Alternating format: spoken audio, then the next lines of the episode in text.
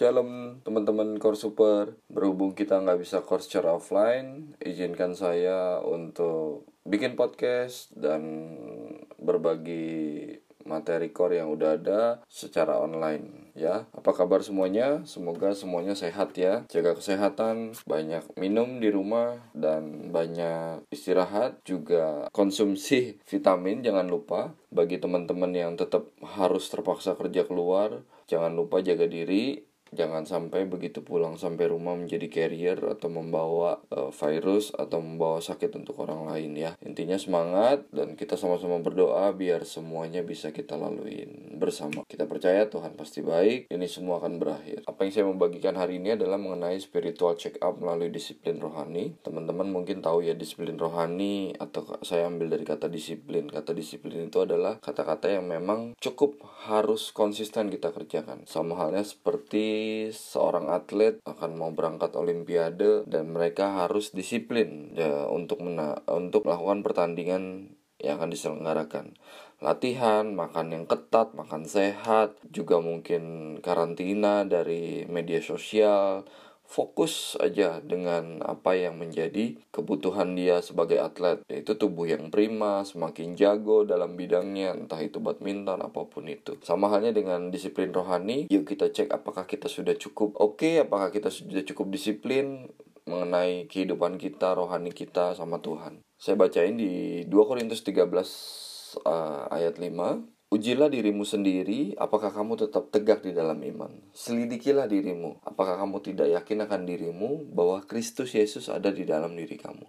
Sebab jika tidak demikian, kamu tidak tahan uji seperti firman Tuhan katakan, yuk kita sama-sama selidikin diri kita, apakah selama ini kita ternyata tahan uji atau tidak? Apakah kita selama ini begitu sibuk datang ke kor atau datang ke pertemuan-pertemuan ibadah hanya sebuah rutinitas tapi bukan menjadi kebutuhan dari sisi kebutuhan rohani kita. Kita jadi gampang marah, kita jadi gampang asumsi, kita jadi gampang untuk menjat seseorang. Berarti ada ada ada kerohanian kita yang kosong, ada kerohanian kita yang perlu diisi. Dan seperti kita tahu, spiritual check up ini e, gunanya kepentingannya adalah untuk tahu seberapa growth spiritual kita, seberapa bertumbuh kita secara rohani. Karena memang tujuannya spiritual growth ini adalah kita mencapai kedewasaan rohani, kedewasaan yang dipenuhkan agar karakter kita juga semakin serupa dengan Kristus. Seperti minggu lalu kita sudah bahas growing to be like Jesus, uh, kita bertumbuh seperti Tuhan, kita bertumbuh semirip mungkin, kita bertumbuh semakin mendekati apa yang uh, Tuhan sudah kerjakan, yaitu mengasihi, mengampuni, dan di sini kita diinformasikan lagi bahwa seberapa penting sih untuk melakukan spiritual check up penting banget karena kita jadi tahu kita jadi bisa mengukur di bagian mana yang kita nggak sehat di bagian mana yang kita nggak disiplin di bagian mana yang harus kita perbaiki di bagian mana yang kita harus tingkatkan. Ya sama halnya tubuh kalau kita kurang cairan ya kita minum. Sama halnya tubuh kalau kita jarang stretching ya berarti kita harus sering-sering olahraga. Begitupun rohani kita. Mazmur 139 ayat 23 sampai 24 Selidikilah aku ya Allah dan kenalah hatiku ujilah aku dan kenalah pikiran-pikiranku. Lihatlah apakah jalanku serong dan tuntunlah aku di jalan yang kekal. Mazmur 19 ayat 12 sebab siapakah yang dapat mengetahui kesesatan bebaskanlah aku dari apa yang tidak aku sadari. Nah, bahkan sering kali kita juga mungkin perlu diingatkan, mungkin perlu meng mengkoreksi diri lagi apakah kita selama ini sudah di track yang benar, apakah kita sudah melakukan hal-hal yang baik di mata Tuhan.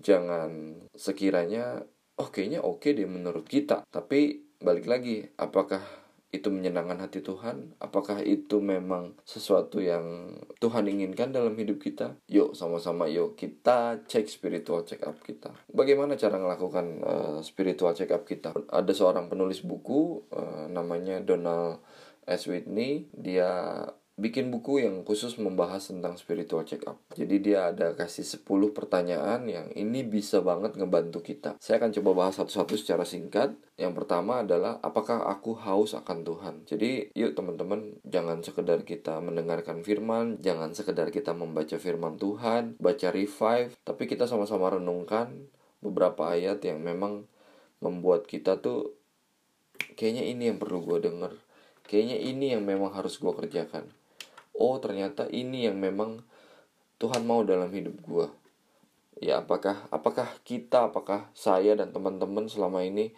haus sama Tuhan?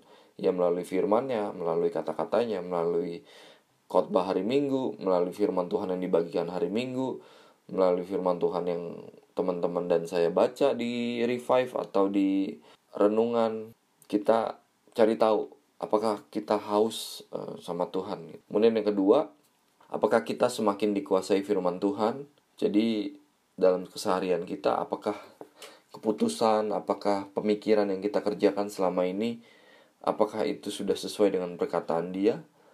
Apakah memang hidup kita selama ini sudah dikuasain oleh firman Tuhan? Jadi apa-apa sebelum kita melakukan keputusan apa-apa yang kita kerjakan sebelum kita uh, ambil tindakan kita ingat bahwa firman Tuhan harusnya bilang begini firman Tuhan ngejagain begini.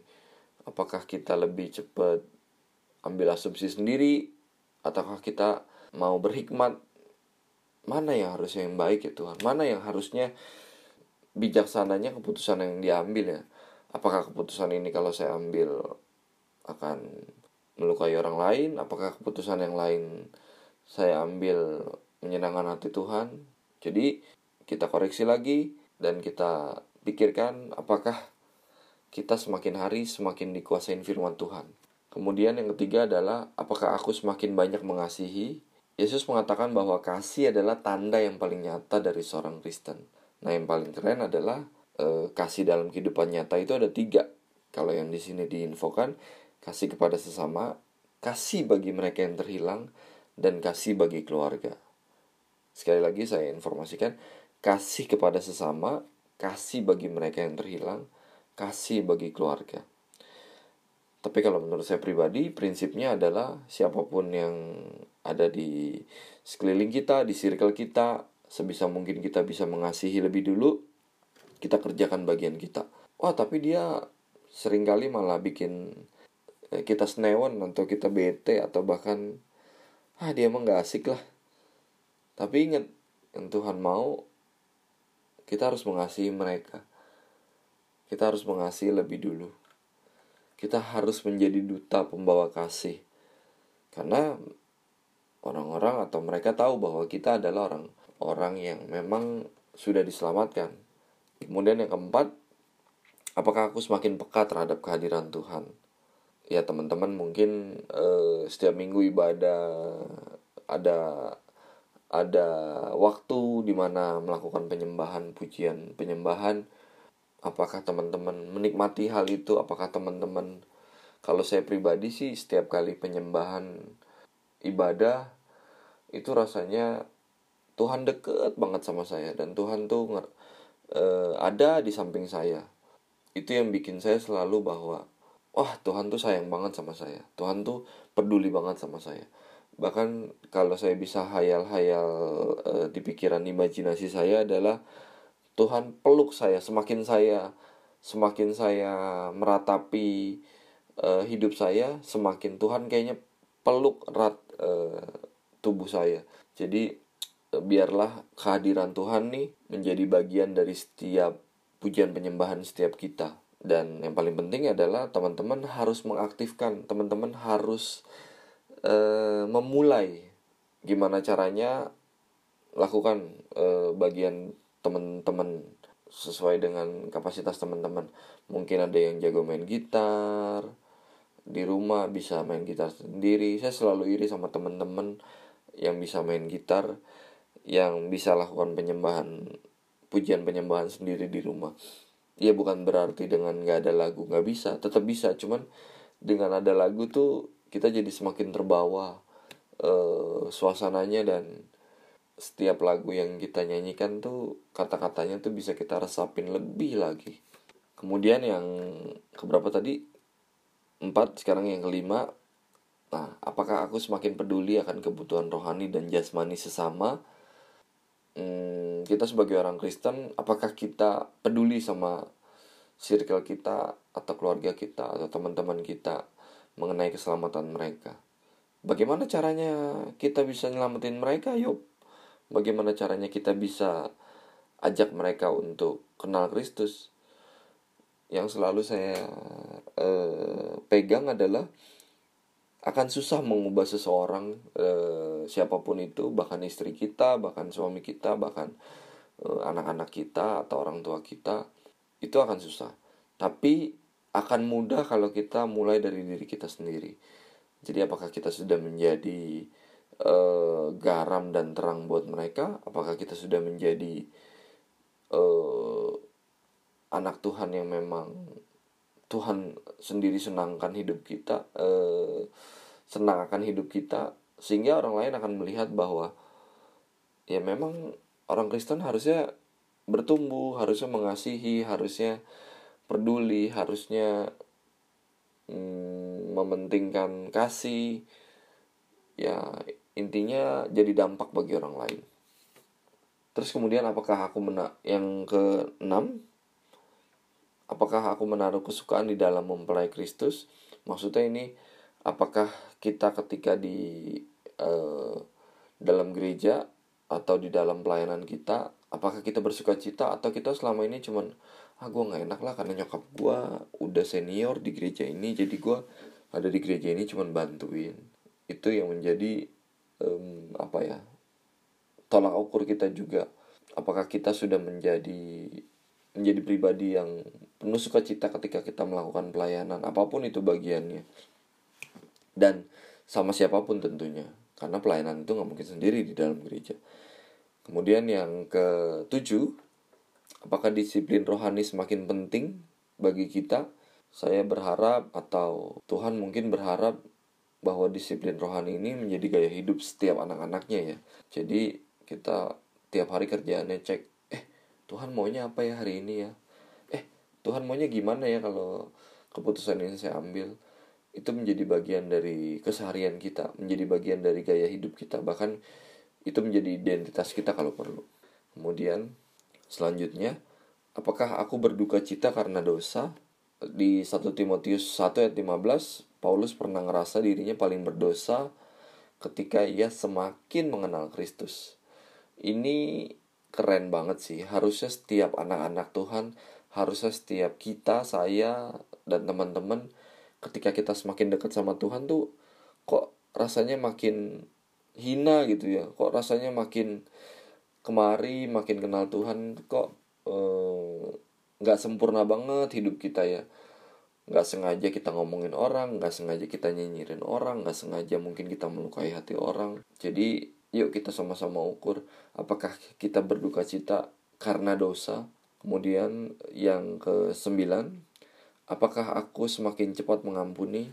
Nah ini nih yang eh, nggak uh, mudah memang tapi saya percaya dan saya yakin banyak orang di luar sana yang sudah mengerjakan uh, bagian mengampuni.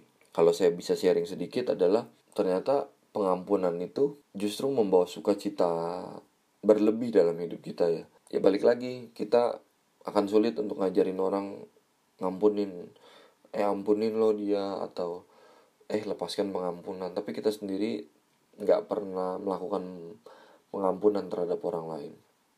Jangan sampai eh kenapa eh kok sama siapa ya? Saya bisa kasih contoh misalnya sama orang itu kok kamu nggak terlalu baik atau hubungannya kok bisa bisa seamburadul seperti ini? Ini contoh case aja ya. Ya ketika saya dengar atau ketika saya kita tahu bahwa iya soalnya 10 tahun yang lalu dia sempat matahin pulpen saya misalnya. Yuk kita sama-sama saling dewasa. Itu kejadian 10 tahun yang lalu pertama kedua mungkin kita nggak tahu ya alasannya apa dia matahin. Atau mungkin bukan dia yang matahin atau mungkin siapa siapa yang matahin kita juga nggak tahu. Tapi value-nya adalah itu kejadian 10 tahun yang lalu pertama. Kedua kita mau sampai kapan menyimpan apa benci menyimpan sakit hati untuk untuk hal yang mungkin kitanya semakin growing up semakin dewasa. Harusnya hal-hal yang seperti itu semakin kita tua ya semakin saya nggak bilang tua semakin kita dewasa semakin kita bertambah umur harusnya kita tuh memasukkan hal-hal yang baik aja tuh. Hal-hal yang suka cita hal-hal yang kayak membenci nyimpan dendam itu harusnya udah mulai kita nggak pikirin tuh. Karena percayalah hidup cuma sekali hidup cuma eh, nggak uh, sepanjang dunia ini. Jadi take it easy jadi kita nikmatin hidup happy sukacita hahaha nggak jadi sakit penyakit bahkan. Tapi soal mengampuni mungkin saya bukan pakarnya tapi percayalah e, ketika anda punya hubungan yang sangat baik sama Tuhan Tuhan akan taruh damai sejahtera dalam hati kita. Nggak bisa sekian detik langsung anda bisa mengampuni eh teman-teman bisa mengampuni. Ya saya percaya butuh proses. Tapi ketika kita mau belajar mengampuni ketika kita mau minta Tuhan untuk uh, ampuni orang yang di circle kita biarkan Tuhan bekerja tapi kita juga punya hasrat untuk mengampuni.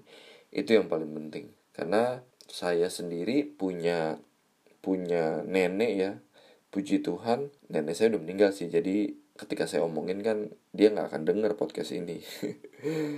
Uh, beliau itu suka suka sekali kalau kita punya salah even cucunya itu kalau misalnya lima hari yang lalu itu bisa dibahas tuh kalau dia mau gitu. Padahal kita udah lupa. Halnya sepele halnya sepele sekali. Tapi poinnya adalah bukan masalah halnya sepele bukan masalah um, nenek saya atau siapa. Tapi sering kali kita begitu apa ya begitu begitu firm, begitu kekeh untuk menyimpan kesalahan orang lain. Padahal kita kena, kenal Kristus, kita kenal Tuhan, padahal Tuhan minta kita lepaskan pengampunan, gitu. Intinya orang Kristen sejati pasti akan punya naluri dan keinginan untuk mengampuni. Karena orang Kristen sejati pasti tahu bahwa itu adalah hal yang menjadi kesukaan Tuhan. Kemudian yang terakhir, oh ini berat nih. Um, apakah aku merindukan surga dan hidup bersama-sama dengan Yesus? Amin. Mudah-mudahan kita semua merindukan surga, mudah-mudahan kita semua pengen hidup bersama-sama dengan Yesus. Seperti minggu lalu saya bilang, saya cukup sedih um, kalau misalnya nanti ada waktu di mana saya dan istri saya meninggal, saya pengennya tuh istri saya tuh ikut saya ke surga gitu. Atau um, misalnya saya dikasih kesempatan masuk surga, oh saya yakin masuk surga. Saya yakin dengan iman saya Tuhan Yesus. saya yakin masuk surga. Uh, saya pengennya tuh orang-orang yang saya kasihi itu masuk surga juga gitu. Kayak mama saya, papa saya, orang tua saya lah ya jelas ya. Terus uh, istri saya, bahkan anak-anak saya, bahkan circle ring satu saya, keluarga-keluarga saya yang lain gitu. Ya kita pengennya mereka masuk surga gitu. Tapi kan balik lagi masalah hubungan, masalah keintiman dengan Tuhan itulah adalah pribadi lepas pribadi. Tapi puji Tuhan kita diingatkan bahwa kita bisa masuk surga. Kita bisa sama-sama hidup dengan Tuhan Yesus. Nah tinggal kita mau ambil bagian atau enggak Kita pusatkan hidup kita sama hal-hal yang memang sifatnya kekal Kita nolongin orang Kita jadi terang dan garam bagi orang lain Kita kita lakukan hal-hal yang memang uh, Tuhan pengen dalam hidup kita Kita lakukan hal-hal yang memang menyenangkan hati Tuhan.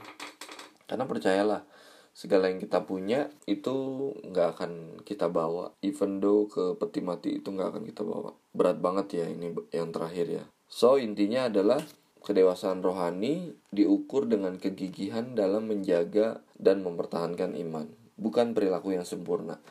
Itu kata Andy Stanley quote-nya dia sekali lagi saya saya uh, bacain Kedewasaan rohani diukur dengan kegigihan dalam menjaga dan mempertahankan iman, bukan perilaku yang sempurna. Jadi balik lagi, di atas semuanya itu yang paling penting adalah iman, iman kita sama Tuhan. Bukan perilaku kita yang sempurna, bukan e, karakter kita yang uh kita disenggol orang nggak marah. No, tapi lebih ke iman kita sama Tuhan, hubungan pribadi kita sama Tuhan. Demikian yang bisa kita kerjakan yang bisa menjadi tolak ukur di 10 pertanyaan tadi. Mudah-mudahan teman-teman dapat apa yang menjadi apa ya hal-hal yang penting untuk melakukan spiritual check up. Kalau di podcast jadi serius ya. Kalau di ruangan core kayaknya nggak setegang ini. Mohon maklum ya teman-teman, ini podcast saya yang pertama kali untuk core. Jadi cukup cukup tegang, cukup grogi, cukup bingung karena belum ngerti tapi saya mau coba belajar. Teman-teman puji Tuhan bisa dengar sampai selesai sampai titik ini. Dan mohon masukannya e, kalau misalnya ada sesuatu hal yang memang bisa saya perbaiki bisa saya improvisasi. So intinya itu lakukan spiritual check up melalui disiplin rohani. Teman-teman sama-sama kita kerjakan sebagai penutup uh, saya meng mengencourage teman-teman untuk mengalami spiritual growth, pertumbuhan dalam iman, uh, menjadi penuh, menjadi dewasa dalam dalam Tuhan. Sama halnya seperti anak saya saat ini masih kecil ya. Biasanya seumuran si Clark ini apa pun dicari tahu, apa pun dita ditanyain. Uh, sama kayak tadi dia nanya, "Besok sekolah nggak?" Saya bilang nggak, karena lagi off. Kenapa nggak sekolah? Saya bilang lagi kita harus harus harus di rumah intinya saya bilang. Terus pertanyaan dia kenapa harus diam di rumah? Ya akhirnya saya jelaskan. Karena begitu saya jelaskan pasti ada pertanyaan-pertanyaan berikutnya yang memang dia belum ngerti. Sama halnya kita ketika kita menjadi bayi rohani kita pasti nggak ngerti kita pasti excited kita pasti pengen datang setiap pertemuan. Kita pasti pengen kalau bisa senin sampai minggu tuh kita ada di gereja karena kita ngerasa dipenuhin karena kita merasa kita jadi uh, dekat sama Tuhan. Tapi apakah semakin dewasa kita akan terus seperti itu? Sama halnya ketika kelak nanti dewasa kelak harusnya lebih mengerti banyak nilai banyak nilai-nilai dalam kehidupan banyak Eh, pengetahuan-pengetahuan yang dia dapatkan, banyak informasi yang dia terima.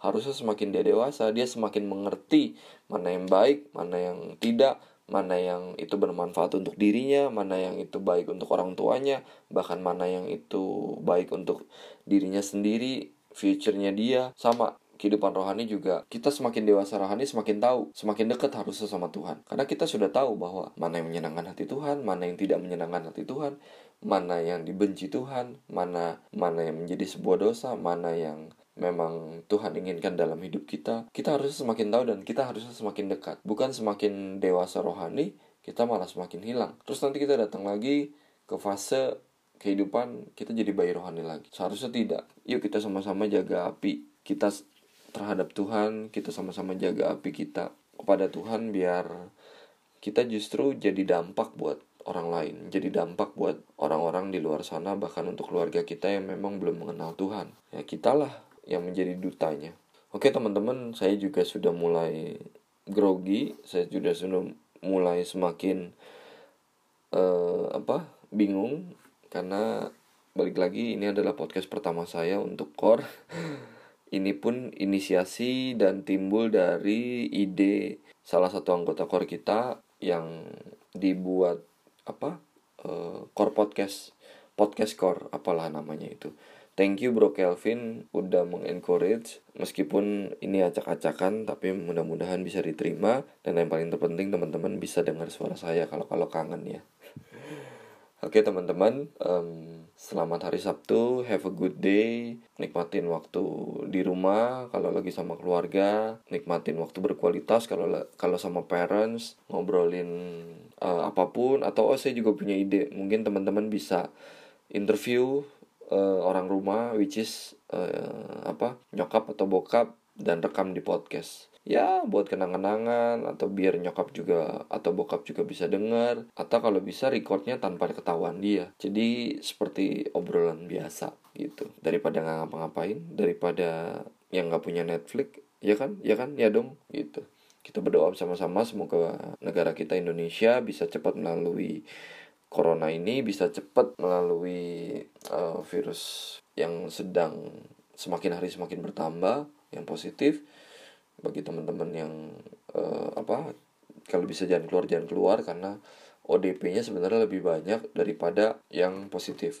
ODP itu orang dalam pengawasan. Jadi orang-orang teman-teman yang baru pulang dari luar negeri, mereka itu belum pasti positif langsung, tapi mereka dinyatakan ODP karena mereka membawa takutnya membawa virus dari luar gitu. Jadi mereka dinyatakan ODP dan ODP itu lebih banyak daripada yang positif. Jadi kalau teman-teman bisa di rumah selama 14 hari, itu bagus banget biar selama 14 hari bisa istirahat total. Oke, saya tidak panjangin lagi. Semoga uh, informasi spiritual check up melalui disiplin rohani yang kita tadi sudah dengar sama-sama bisa menjadi sebuah pengingat kita semua kita semakin intim, kita semakin dekat sama Tuhan, kita semakin ingin cari tahu apa yang Tuhan mau dalam hidup kita. Selamat hari Sabtu, selamat menikmati social distancing, dan Tuhan Yesus memberkati. Bye.